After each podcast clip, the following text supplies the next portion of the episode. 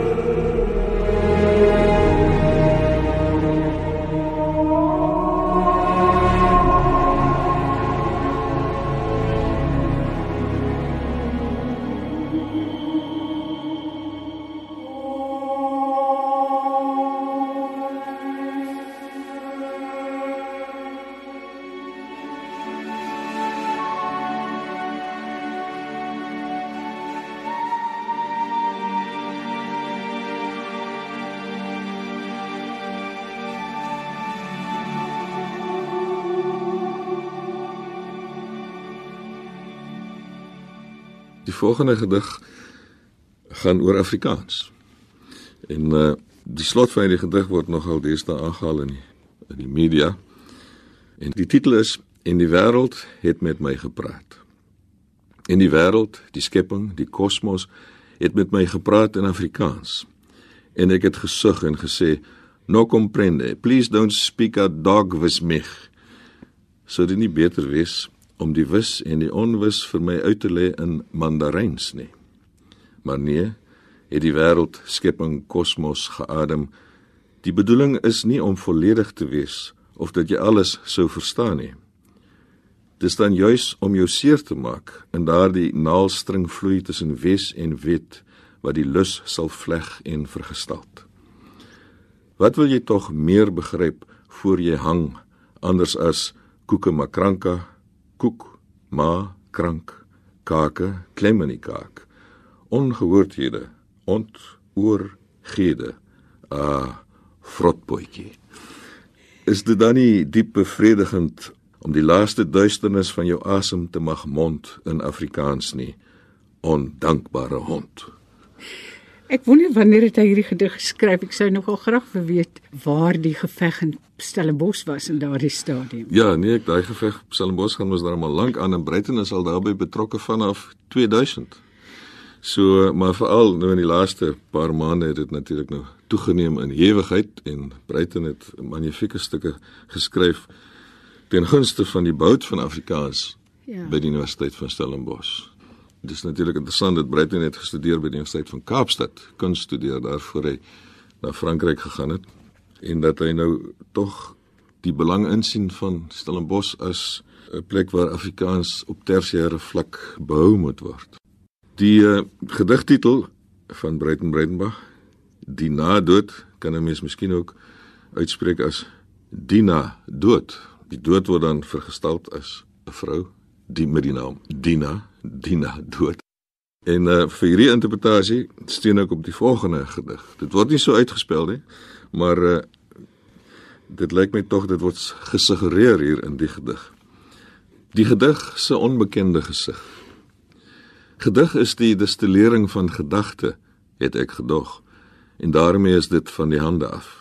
Maar wat soms nog gis in die trog woorde is waarvoor nie voorsiening gemaak is. Wie se naaktheid nie met betekenis geknip uit poëtiese patrone kan bedek wat ouer en gedagteloos besope saam wil dans nie. O waar is my waarheid, my waarheid, my waarheid? O waar is die waarheid, die waarheid van my? O waar is die wees is, die wees is, die wees is? O waar is die wees is, die wees is van my? O hier is die waar is, die is wees, die waar kus. O hier is die wees waar, die isheid van my. Breiten op sy speelsig. Absoluut. Ja.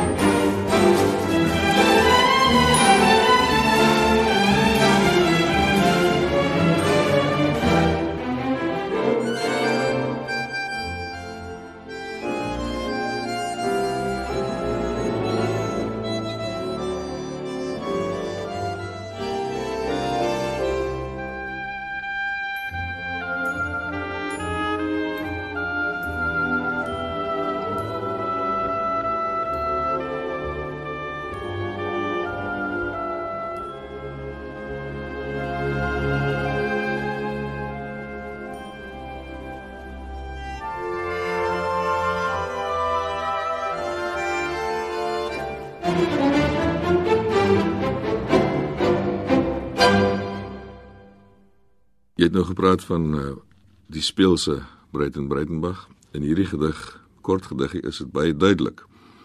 Langs die pad gesien. Die weg lê horingkoei, o, die weg lê horingkoei. Die doringheining nogal kort gesnoei, maar daar staan sy nou bulkend vasgebloei asof sy afgekom het op 'n skorpioen in die skoen wat hoeven terwyl te knap sou wees vir haar behoeftes. Daniel, ek het een keer gehoor dat hy letterlik niks weggooi nie. Al skryf hy 6 woorde, dan word daai 6 woorde opgeneem in 'n bundel iewers. Ja, en hy het die wonderlike vermoë dat daardie selfs die kortste en die ligste gedig inpas in die groter geheel van die bundel. Want elke bundel is 'n soort weefwerk, 'n web wat hy skep, maar nie net die afsonderlike bundels nie, eintlik sy hele oeuvre, alles wat hy skryf, pas in in daardie web. En dis 'n soort uitdeiende heelal ook word dit word al hoe groter en dit dui uit na alle kante. So dis nie net 'n reglynige uh beweging voorwaarts nie, maar dit is 'n dit uh, dui uit in alle rigtings ook terug weer. Dit vir elke nuwe gedig wat hy skryf bevat ook ekkos van sy heel vroegste gedigte. In die volgende gedig roep Breiten Breitenbach nou van die verlede gepraat, roep hy sy jeugomgewing op, die uh, vrugteryke omgewing van Montetjie, Bonnievale en hy noem die gedig Sondag 8 Maart 2015. En onderaan is daar 'n pleknaam Groenendal. Ek is nie heeltemal seker waar dit is nie, so waarskynlik 'n plaas daar in die omgewing. Daar langs die Breë rivier. In die nag, warm so slegs somernagte hier onder die berg nog kan wees, opgestaan om buite op die stoep na die maan se starende blinde oog te loop korrel. Die suiderkruis 'n tros ligte aan die boeg en ander verdere sterre in 'n baan van vergaan om met duisternis in die sombergroen Kujawelboord te strook. Toe in die donker voorhuis met 'n glas kraanwater uit die hoogte waar boere reeds eeue gelede 'n poort moes dinamiet om die fontein se syferloop te verlê van die druiwe geëet. Hanepoot wat my suster in 'n kardusie gekoop het gister om nog te onthou van 'n kindertyd hier gelewe en korrel vir korrel verteer tot vergeet. As daar geween word, sal dit in stilte wees. Want in donker strate agter die bult slaap bekende vergetenis om na 'n ewigheid te lyk. Nog gekyk hoe die maan gesig soek in rimpels van die dam en my ingeprent elke druif wat ek glad lek en sluk is 'n ster se inploffing onder die water. Nou hier het ons weer buiten se die die een woord wat die volgende assosiatief oproep. Hy gaan staan buite op die stoep om na die maan te kyk, maar hy sê hy korrel na die maan met sy oog en dan onmiddellik die suiderkruis 'n tros ligte. Van korrel na tros na druiwe. Vanaand kyk ons na die bundel Die Nadood van Breiten Breitenbach sy jongste bundel wat by Human en Rousseau verskyn het en aan die woord is Daniel Hugo. Breiten Breitenbach het ook 'n huis in Spanje op die platteland en uh, ek vermoed dat hierdie volgende gedig daar afspeel. 18 April 2015. In die geplaveide binnehof met die muur as beskutting teen bergwind se ryp nuus van sneeu en sterwe het die sitrusboompies die winter en ons afwesigheid oorlewe. Wanneer ek die gasbedekking afhaal en dink geboortevlies en dink bruidskleed en dink lijkgewaad. Eers van die Kaapse suurlemoen met die gedigte stekels uit Montetjie se diepgrond. En dan 'n tweede se dikskil liggeel vrugte gerimpel maan aan die takke en dan van die lemoen se donkerder groen. Die kumquat en die narkie het kaal soos klonte goud deur die somber seisoen gekom. Weet ek, dis die duiselende gerug van lente en herlewing wat my terug uit verre reise van ander tongvalle en brandende ooglede huis toe moes lei. Na hierdie inbesitname van soet geheue wat altyd daar was onder 'n sluier woordweefsel. Sjoe. Dit is 'n woordweefsel. Inderdaad, en die woordweefsel verwys dan ook terug na die gasbedekking wat hy van die sitrusboompies afgehaal het en dan laat dit hom dink aan geboortevlies, bruidskleed, lijkgewaad. In hierdie bundel van Breiten stel hy die leser van die gedig gelyk aan sy geliefde. Soos wat die uh, liefde nie sonder 'n geliefde kan bestaan nie, kan 'n gedig nie sonder 'n leser bestaan nie. En daarom maak hy die lê die verband tussen leser en geliefde. Leser 18 Julie 2015 Mag die pad jou weer lei na waar 'n ooste vlam al langs die buitelyne van vergeet waar hane die sterre troos en blaasorkeste speel in binneplase van die hart. Dankie vir die oopvou van die berg se opgebergte stiltes sodat ek my in jou kon vergeet van liefde. Ek sal jou onder my ooglede onthou soos 'n troue uitreik na die ewige reis tussen man en vrou.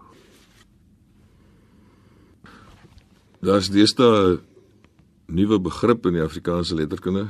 Daar word gepraat van laatwerk. Dit is dan nou die werk van ouer skrywers en Breitenberg is nou inderdaad ook een van die ouer skrywers. En hy speel nou met die woord laat en laatwerk in die volgende gedig en ek dink ons kan dan daarmee afsluit. Wanneer dit laat word in die lewe en die aanster reeds teen die dalende dag se skuinstes bewe soos 'n hartklop, is elke kwashaal vry elke woord onbesonne los van sin en sinne se dop. Maar weet jy ook dis 'n saamkrimp van syn dat elke streep en stotter nou eenmalige nalaatsel sal wees op die lippe van stilte. Jy nie meer terug sal kan keer om dit wat nie klop te naat en te soem tot verstomming nie. Wanneer dit laat word in die lewe en voels reeds die bome opsoek op soek na die aandster se vleis, droom jy 'n nag op die lappe van uitgelate gelatenheid.